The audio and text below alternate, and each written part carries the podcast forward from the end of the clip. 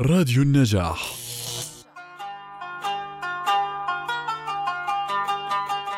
أهل وجيران حبايب وخلان اي قول الحقيقة بعرفك من زمان يا ترى شو قصة مثلنا لليوم؟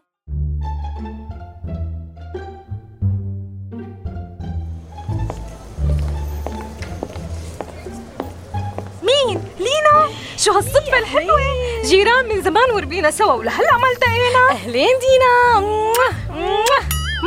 معقول شو نحفانة؟ شو عاملة؟ أكيد قص معدة والله عملت دايت وشوية sport. وشو هالحلا كله؟ كأنك عاملة شي لشفايفك. بص إيدي إذا ما آه نفختيهم. شو عاملة؟ مع عاملة. بس بجوز من الروج كبرانين شوي. ومناخيرك والله بعرفهم أكبر من هيك. ولا كمان على ال make up صغرانين. إيه بجوز. أصلا هن من الله ناعمين.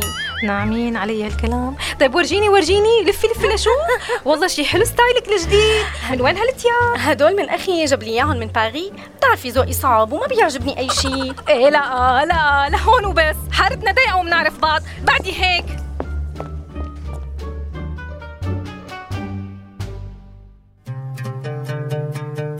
بيقولوا حبل الكذب قصير. فكيف إذا كان من ناس بتعرفيهم عز المعرفة؟ معناها خلينا نعرف آراء الناس بمثل اليوم. موضوع جدا مهم الناس اللي تنسى ماضيها أو تنسى ظروف مرت بيها وشلون وصلت للمكان اللي هي بيه حاليا.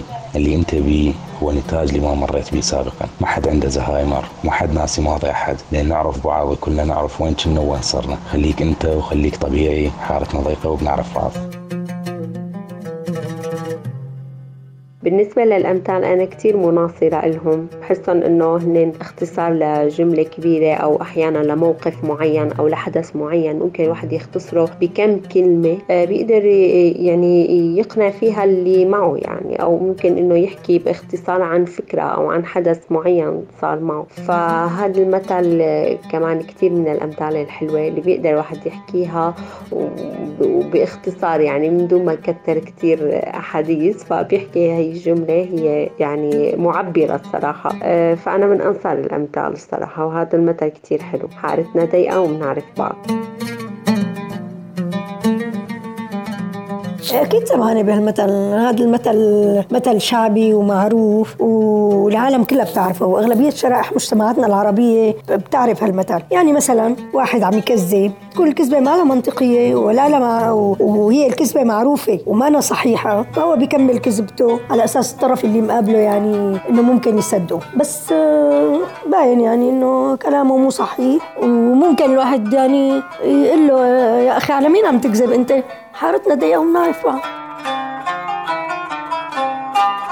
هالمثل شو بينطبق على ثلاث أرباع العالم حوالينا وخاصة هدول المساكين اللي عندهم انفصام اللي على غفلة بتحسيهم صاروا جماعة الأولى. لا طب يا دادا ما تروح على نفسك. قال شو بتكبر عني وأنت ابن عمي؟ هيك عندهم ازدواجية بين واقعهم الصومالي وأحلامهم الباريسية. كونوا حالكم أنت وياه وخفوا علينا. يعني والله الواحد حلو يكون متصالح مع حاله وراضي وعنده قناعة بكل شيء. يعني ليه لا نتقمص شخصيات تانية وأجواء ما بتشبهنا ومشان مين؟ واللي بينكرزك أكتر كمان إنه بينفصموا بخلقتك وأنت اللي عرفتيهم من ساسهم لراسهم طب ما تفوق على نفسك يا حبيبتي. قال ما تروحش تبيع المية في حارة السقايين. هدول الناس بكل ثقة بقلن قال كبرت الباذنجانة والدندلة جراسة. نسيت افت زبالة تنزل على راسها.